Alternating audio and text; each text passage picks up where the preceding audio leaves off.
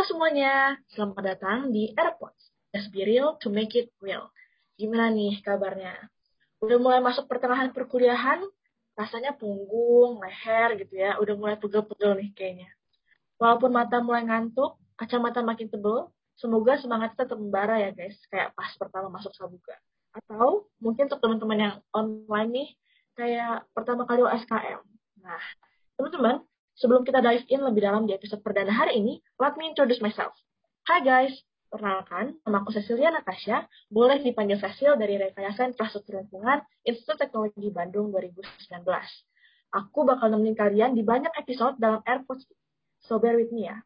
Jangan bosen-bosen dengerin suara aku karena kita bakal review dan kupas tuntas banyak hal dalam 20-30 menit ke depan sabi banget nih didengerin sambil mandi, beresin rumah, atau bahkan digawe tugas. Mungkin banyak yang bingung nih guys, apa sih AirPods itu?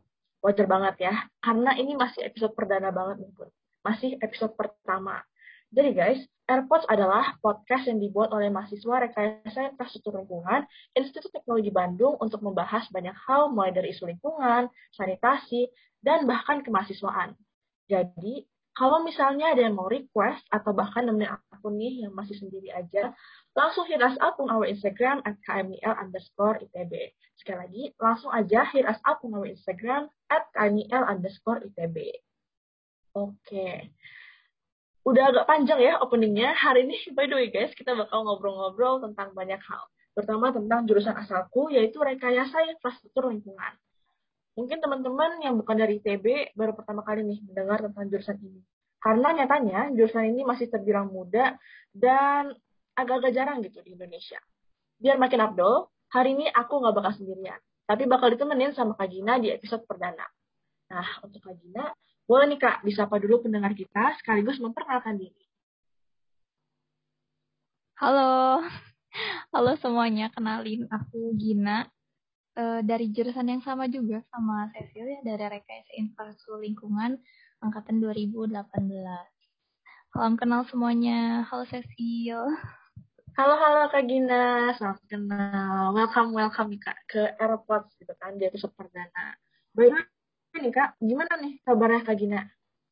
Hmm, alhamdulillah baik gitu ya. Tapi ya tau lah ya, udah udah berapa minggu nih kita kuliah? Lima minggu kali ya sudah mulai bau-bau bau-bau sangat sibuk gitu ya. Fun fact aja nih teman-teman buat yang lagi dengerin pas kita barusan upload mungkin ya. Itu udah mau mendekati UTS guys. Jadi sekalian reminder nih, reminder, reminder. By the way sekarang Kak Gina lagi sibuk apa Kak? Lagi ngegawe kah atau ada project? Lagi sibuk kuliah kali ya. kuliah. Akademik, akademik. Akademik nomor satu terus apa lagi ya? Ngegawe enggak belum sih. Paling kemarin aja ya. Habis baru beres KP tinggal mau nyiapin uh, seminar KP gitu kali ya. Cecil gimana nih Cecil? Sibuk apa? Sama sih kak. Hari ini aku lagi akademik juga terus ada beberapa organisasi yang lagi dipegang. Tapi yang paling penting AirPods dong. Lagi ngejalanin AirPods baru episode perdana nih dan hopefully bakal ada episode episode berikutnya ngomong-ngomong ya, nih kak Kakak kan salah satu dari founding team bareng teman-teman di Direktorat Implementasi di KMIL. Boleh cerita gak nih Kak? Kok bisa sih ada podcast ini? Kenapa bisa ada podcast ini dibuat? Nah, kalau dari aku pribadi ya, kenapa ada AirPods ini tuh sebenarnya sesimpel kalau episode pertama nih ya, kan emang uh, episode uh, keilmuan tuh tema utamanya tuh adalah tentang just be real to make it real gitu ya. Jadi sesimpel pengen hmm. kenalin gitu loh, kenalin jurusan real, rekayasa infrastruktur lingkungan di halayak umum gitu. Biar ya jurusan kita hmm. semakin dikenal karena kan masih baru gitu kan, ya nggak sih? Tuh. Benar, masih baby banget nih jurusannya. Mm-mm, bener banget sih. Jadi harapannya nih episode pertama ini sambil um, men apa sambil mendekati UTS gitu ya bisa menemani teman-teman biar makin semangat lagi di real gitu kali ya enggak sih oke buat ngenalin ke teman-temannya. Kalau gitu teman-teman jangan lupa abis dengerin podcast ini, jangan lupa komen, like, dan juga yang paling penting di share ke teman-teman lainnya. Semoga makin banyak nih yang tahu tentang jurusan rekayasa infrastruktur lingkungan di Institut Teknologi Bandung. Oke, udah kenal nih ya sekarang. Kalau gitu, aku langsung mau tanya nih ke Kak Gina. Sebagai konteks teman-teman, jadi aku tuh baru setahun guys di jurusan, dan online pula kemarin itu. Ini karena pas tahun pertama masih masuk ke penyetaraan atau sering disingkat TPB, tahun persiapan bersama di TPB. Jadi pas tahun kedua, aku baru hidup di penjurusan rekayasa infrastruktur lingkungan. Jadi Kak Gina ini more or less lebih banyak pengetahuannya dalam hal-hal tentang real. Nah, sebelum kan aku udah banyak ya sebenarnya dengar-dengar tentang real. Tapi banyak nih fakta-fakta dan mitos ternyata kak yang berkeliaran tentang real apalagi kan jarang gitu ya jurusan ini dan masih apa ya masih dikit gitu terdengar di kuping orang-orang. Mari kita kupas nih guys bersama Kak Gina mitos atau fakta yang beredar di dunia perilan gitu. Nah, pertama nih Kak. Dengar-dengar real itu salah satu jurusan termuda ya di TB. Itu mitos atau fakta? Itu fakta, bener banget. Jadi emang jurusan kita itu, jurusan rekayasa infrastruktur lingkungan ini, itu baru berdiri di tahun 2013. Kayak gitu. Jadi emang ya baru 8 tahun ya, berarti kan ya? Masih kelas 2 SD lah kalau sekolah mah. Oh, tuh guys. Jadi walaupun kita tuh satu naungannya di FTSL ya. Kalau sipilnya sendiri kan udah 100 tahun, 101 malah sekarang pas lagi direkam. Tapi kalau misalnya untuk real itu baru 8 tahun. Jadi kalau misalnya dibandingin sama jurusan sebelah emang masih agak-agak anak bawang gitu. Tapi tenang, tenang, tenang. Karena walaupun kita masih muda, kita pencapaiannya gak kalah banyak kok. Jadi kita kecil-kecil cabai rawit gitu. Menarik, menarik Kak. Kan kita sebenarnya jurusan baru nih. Habis itu padahal ya, ITB kalau aku lihat itu banyak banget pilihan jurusannya. Apalagi pas lagi daftar gitu kan, uh, bejibun, puluhan gitu pilihannya. Kok bisa sih kak ada jurusan baru? Kenapa sih bisa sampai real ini dibentuk? Nah, kalau jurusan barunya itu pasti kan setiap jurusan yang ada, yang baru ada itu pasti kan karena untuk menjawab uh, permasalahan yang ada lah ya uh, tantangan permasalahan yang semakin kompleks gitu. Makanya dibutuhkan jurusan atau keilmuan yang lebih spesifik gitu untuk menyelesaikan permasalahan tersebut. Nah, sama juga nih dengan uh, adanya real atau didirikannya real. Nah, latar belakangnya juga karena itu. Jadi karena berawal dari kegelisahan akan kurangnya sumber daya yang bekerja di bidang infrastruktur lingkungan. Nah, sekaligus juga ini tuh untuk memenuhi target SDGs Nomor 6 yaitu tercapainya akses air bersih dan sanitasi layak bagi masyarakat. Kayak gitu. Jadi uh, Real tuh hadir untuk menjawab hal tersebut untuk mencapai tujuan SDGs nomor 6 tersebut. Gitu, Cecil. Oh, jadi akses air bersih dan sanitasi layak bagi masyarakat nih ya kak ya untuk latar belakangnya. Sebenarnya aku jadi kepo sih kak kalau gitu. Karena kan sekarang sebenarnya lagi rame banget ya penggunaan sosmed dan lagi banyak banget nih isu-isu yang di-up mulai dari COVID, terus Olimpik, terus bahkan lagi bahas kampanye juga, dan banyak banget nih isu-isu yang emang lagi berkuar-kuar. Tapi kayaknya setelah aku, aku kan juga pengguna aktif sosmed gitu ya, sebenarnya aku jarang banget sih kak ngelihat informasi tentang akses air bersih dan kondisi sanitasi terutama di Indonesia. Kayaknya ketumpuk kali ya karena kurang disorot gitu. Boleh gak kak bagi-bagi info nih? Emangnya sekarang kondisi akses air bersih dan sanitasi di Indonesia tuh kayak gimana sih?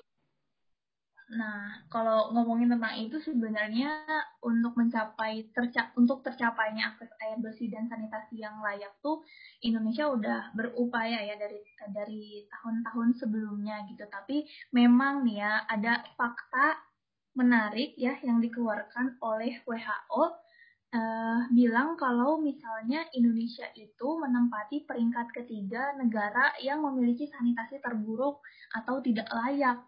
Nah, walaupun itu uh, sanitasi layak di Indonesia itu mencap udah mencapai 80%, tapi tetap aja kita tuh masih di peringkat peringkat tiga.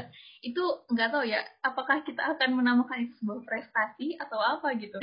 Bagus ya, besar ya, ya. Perlu ya kayaknya. tapi ya untuk sanitasi yang terburuk gitu, jadi kayak ya tiga terbawah berarti. Kacau guys. Nah, mungkin selain itu juga masih banyak lagi sih apa ya eh, fakta-fakta tentang kondisi uh, sanitasi di Indonesia. Contohnya nih ya, yang lainnya adalah uh, praktek buang air besar sembarangan ya di Indonesia itu udah mencapai 8,67 juta rumah dan 4,5 juta di antaranya itu ada di Pulau Jawa. Bayangin di Pulau Aduh. Jawa. Nah, kayak semoga aku... bukan pendengar-pendengar kita ya kak ya yang di Pulau Jawa nih. Biasa kan banyak yang Java sentrik nih kalau untuk pendengar-pendengar yeah. gini. Jangan sampai teman-teman ya. Aduh. Oh, bener banget yang kita anggap mungkin di Pulau Jawa tuh pusatnya pembangunan gitu ya, tapi ternyata praktek BABS-nya masih marak terjadi gitu. Itu kan miris banget sebetulnya. Gitu sih. Ya. Ah, iya. Emang ternyata parah banget ya kak, walaupun jarang disorot, tapi data-datanya kok berkatanya agak-agak mencengangkan gitu, sampai dapat perunggu nih untuk sanitasi terburuk gitu kan. Masalahnya ini yang ngomong bukan bukan berita-berita seliweran guys, tapi WHO gitu. Jadi ini udah tingkat Olimpik deh kayaknya, Olimpik sedunia gitu kan. Dan kita masih dapat peringkat ketiga terburuk gitu. Jadi ini um, kita sambil menyebarkan awareness kali ya kak ke teman-teman. Jadi ini bukan cuma data nih guys, tapi ini harus dilakukan sesuatu, jangan cuma jadi angka doang gitu kan. Nah sekarang kita udah tahu nih kak tentang real, terus kondisi yang pengen di tackle gitu ya sama anak-anak real dan kenapa jurusan kita ini ada sebenarnya ada hal unik nih kak tentang real. Aku sendiri ngerasain, kan aku dari jurusan real ya, dan setiap balik ke kampung gitu, setiap ada acara keluarga, ada lebaran kah, natal kah, liburan musim panas kah, itu selalu ditanya, kamu sekarang jurusannya apa? Pas tahun pertama kan gampang ya ngomongnya, Fakultas Teknik Sipil dan Lingkungan. Oh, sipil gitu, sipil. Eh, pas tahun berikutnya balik, jurusannya apa? Rekayasa infrastruktur. Eh, kok kok beda gitu kan? Banyak banget yang nanyain terus mereka malah salah nangkep gitu jadi kamu tuh jurusan apa sih teknik sipil kah oh bukan. Teknik lingkungan kali ya teknik lingkungan. Jadinya malah seliweran gitu obrolannya dan susah ngejelasin tentang jurusan aku. Dan bukan cuma aku sih yang ngerasain. Aku rasa kak Gina juga kali ya kak ngerasain hal-hal seperti ini. Iya benar. Ngerasain banget. Bingung jelasinnya kayak panjang. Nah, makanya nih Kak, malah jadi ada mitos atau fakta nomor dua nih, pertanyaan kedua. Mitos atau fakta nih Kak, kalau jurusan real itu sama dengan teknik lingkungan atau TL? Um, kalau ditanya mitos atau fakta, sebenarnya antara tengah-tengah itu sih. Soalnya ya, kalau kita lihat e, eh, TL sama real itu masih satu rumpun. Nah, kalau aku ibaratkan ya kan di TL ada kata-kata lingkungan dan di real juga ada kata-kata lingkungan. Jadi masih satu, satu keturunan gitu. Nah, si empuknya, eh, kita katakanlah empunya gitu ya, atau kakeknya atau ayahnya itu tuh namanya dulu adalah teknik penyehatan atau itu tuh adalah nama sebelum adanya teknik lingkungan gitu. Nah, si teknik penyehatan ini sebenarnya waktu dulu itu lingkup lingkup studinya itu hampir sama dengan rekayasa infrastruktur lingkungan. Jadi sering orang tuh bilang kalau misalnya uh, real itu adalah teknik penyehatan yang lahir tapi dengan nama yang baru gitu. Real. Oh, Jadi, I see, I see. Nah, Kak, kak boleh nggak nih Kak dikasih tahu lagi nih ke teman-teman yang lain? Kalau misalnya dari skupnya Kak atau dari matkulnya ada perbedaan nggak tuh Kak antara real sama TL? Ada banget, justru ada banget gitu. Karena kalau di real itu, kalau aku bilangnya itu lebih ke skupnya tuh ke public utility atau kebutuhan masyarakat gitu ya kebutuhan dasar masyarakat seperti misalnya air bersih, kayak gitu kan, sanitasi, persampahan gitu. Nah, sedangkan kalau di TL itu skupnya itu lebih ke industri. Nah, awalnya yang tadi aku ceritain lagi teknik penyihatan berubah menjadi TL itu karena ya pada saat itu dunia industri mungkin di Indonesia itu semakin berkembang terus juga itu ada kayak perat, uh, bukan peraturan sih kayak uh, apa namanya uh, dari Amerika tuh kayak ada penamaan baru lah ya tentang uh, sanitary engineering itu menjadi environmental engineering jadi TL gitu. Nah, akhirnya kita juga berubah karena seiring seiring adanya uh, banyaknya permintaan industri lah gitu. Jadi akhirnya TL uh, beralih lah gitu uh, ke bidang-bidang industri dibutuhin di industri sedangkan yang bagian domestiknya atau bagian public utility-nya jadi kekurangan orang gitu kekurangan sumber daya gitu sih Sil. Ah, makanya yang public utility itu dihandle sama kita-kita ya kak ya rekayasa infrastruktur lingkungan. I see. Artinya emang beda nih guys untuk scope-nya. Tapi jadi setelah penjelasan ini jangan sampai ada yang bilang real versus TL gitu ya. Karena ternyata kita ini saudaraan guys sama TL. Jadi adanya real with TL gitu. Karena sebenarnya kita saling melengkapi ya kak kalau gitu sama TL. Karena kan mereka yang industri, kita ke public utility tentang lingkungan. I see, I see. Oke, okay, thank you banget nih kak. Sekarang last but not least untuk sebenarnya bukan pertanyaan mitos atau fakta ketiga sih kak, tapi lebih ke aku penasaran gitu. Karena kan tadi kita udah bahas tentang realnya, udah bahas juga kenapa ada atau urgensinya, terus bahas juga tentang perbedaannya sama TL. Nah sekarang untuk anak-anak real nih kak, biasanya pada ke mana aja sih setelah lulus kuliah? uh, setelah lulus kuliah itu banyak banget ya karena kita aku ceritain dulu nih tentang bidang-bidang yang ada di Rio ya. Bidang spesialisasi yang ada di Rio itu ada perancangan dan pengelolaan air bersih air limbah, persampahan, dan drainase. Jadi kita emang lebih ke merancang dan mengelola gitu tentang air bersih, air limbah, persampahan, dan drainase. Nah untuk kerja kerja secara instansi itu di mana aja sih? Sebenarnya banyak banget banyak variasinya lah kalau bisa dibilang. Yang pertama ada di kementerian terus kementeriannya juga banyak. Ada kementerian PUPR KLHK gitu. Terus juga bisa jadi jadi konsultan jadi bikin NGO atau karya di NGO terus bikin startup apalagi. Nah mungkin teman-teman yang kayak aduh males aku mah jadi budak korporat ya pengen bebas lah nggak mau ada peraturan uh, apa harus masuk jam 8 pulang jam 5 gitu pengen bebas gitu ya. Nah di NGO atau di apa bikin startup sendiri itu sebenarnya bisa banget gitu karena inovasi di bidang real terutama itu tuh masih masih minim lah ya jadi kayak masih membuka uh, peluang kesempatan seluas-luasnya buat kita berinovasi di bidang real kayak gitu. Nah, contohnya mungkin ya di bidang apa startup lah ya sekarang kayak yang lagi keren-keren banget gitu.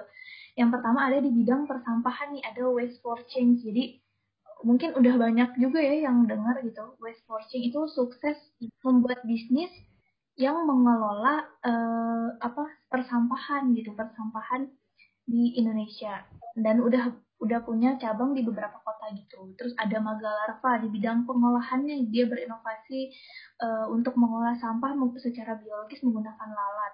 Terus ada juga mall sampah me memperkerjakan pemulung kayak gitu kan menambah lapangan kerja dan me mengefisiensikan kerja pemulung gitu itu juga kan salah satu inovasi yang bisa dilakukan di bidang persampahan. Nah, terus nih ya misalnya di bidang air bersih kalau teman-teman tahu Silicon Valley itu yang di Amerika inkubator untuk startup-startup yang sekarang udah udah jadi unicorn itu juga mereka itu membutuhkan katanya pernah bilang ya membutuhkan startup di bidang air bersih. Karena kenapa? Karena kan kalau kita lihat nih kondisi sekarang perubahan iklim, pencemaran air dan pencemaran yang lainnya itu uh, udah marak banget terjadi dan hal itu bisa mempengaruhi gitu ya ketersediaan air, kualitas air yang ada di muka bumi. Jadi menurut dia kayaknya oh bagus nih kalau kita bikin startup di bidang air bersih uh, yang bisa mengatasi permasalahan tersebut dan itu kayak real banget lah kalau aku mau bilang tuh ya nggak sih?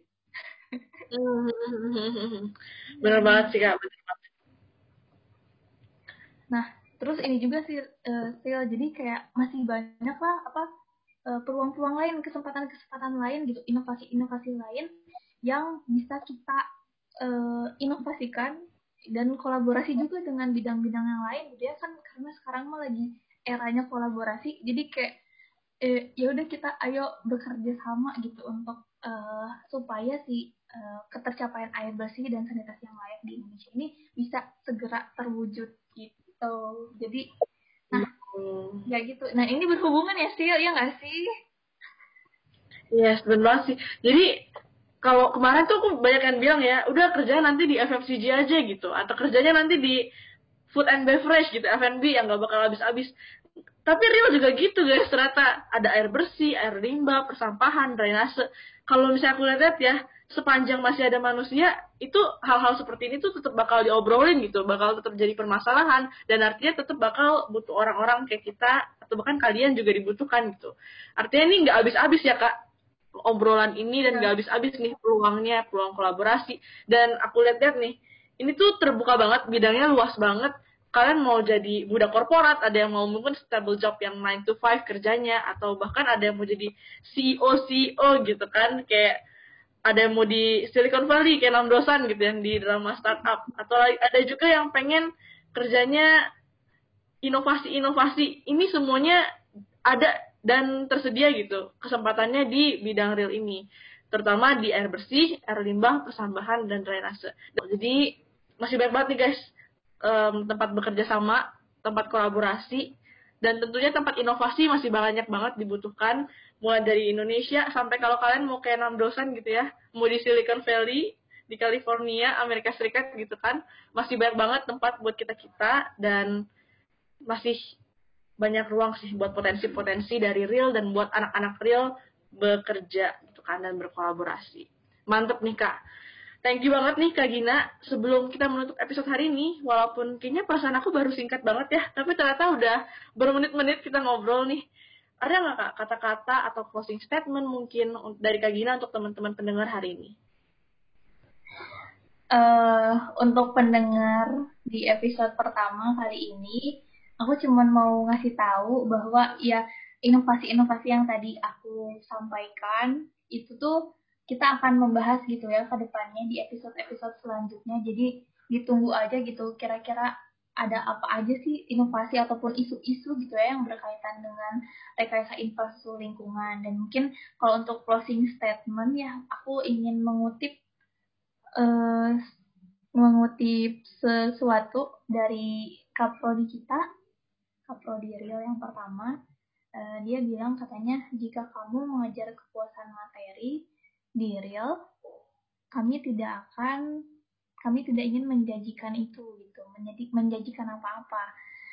Tapi walaupun kayak gitu kalian juga tetap bisa ya mendapatkan materi itu. Nah tapi soal kepuasan hati ladang amal dan pengabdian masyarakat berkelanjutan sejak kuliah sampai nanti bekerja ya real adalah jawabannya gitu. Dan real menjanjikan banyak hal.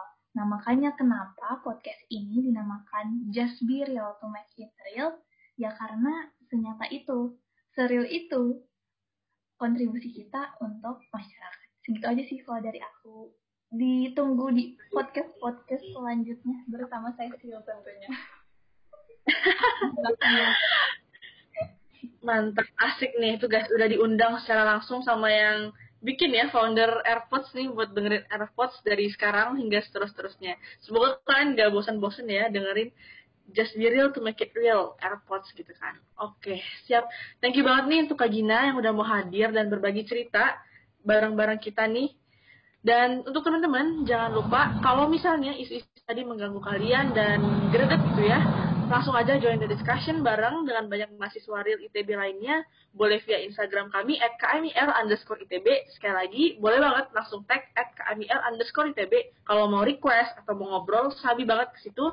Dan teman-teman, jangan lupa untuk jaga kesehatan, kebersihan, dan patuhi protokol kesehatan. Dan yang paling penting nih, jangan lupa hidupin notifikasi kalian ya, biar kalian tahu kapan aja nih kami bakal upload dan muncul dengan diskusi hangat lainnya spoiler dikit kali ya buat teman-teman yang dengerin episode perdana. Episode berikutnya kita bakal mengupas tuntas kasus tentang salah satu kasus persampahan di Indonesia. Jadi bakal seru banget, kita bakal langsung hands on dengan satu kasus dan bakal ngobrol dengan tentunya speaker-speaker yang kredibel dan juga bintang tamu-bintang tamu berikutnya bakal menarik-menarik. Oke, okay. alright teman-teman, that's it untuk episode hari ini. Stay happy and healthy. Dan terakhir, if these issues bother you, let's be real with real. Sampai jumpa di episode berikutnya teman-teman. Have a nice day everyone.